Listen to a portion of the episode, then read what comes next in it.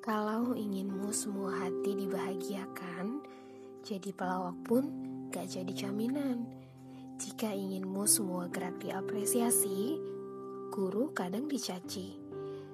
Bumi ini punya banyak macam jiwa manusia dengan masing-masing reaksinya.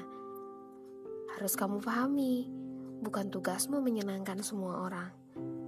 Soal ada tidaknya apresiasi, dihargai atau dimaki, itu di luar genggamanmu.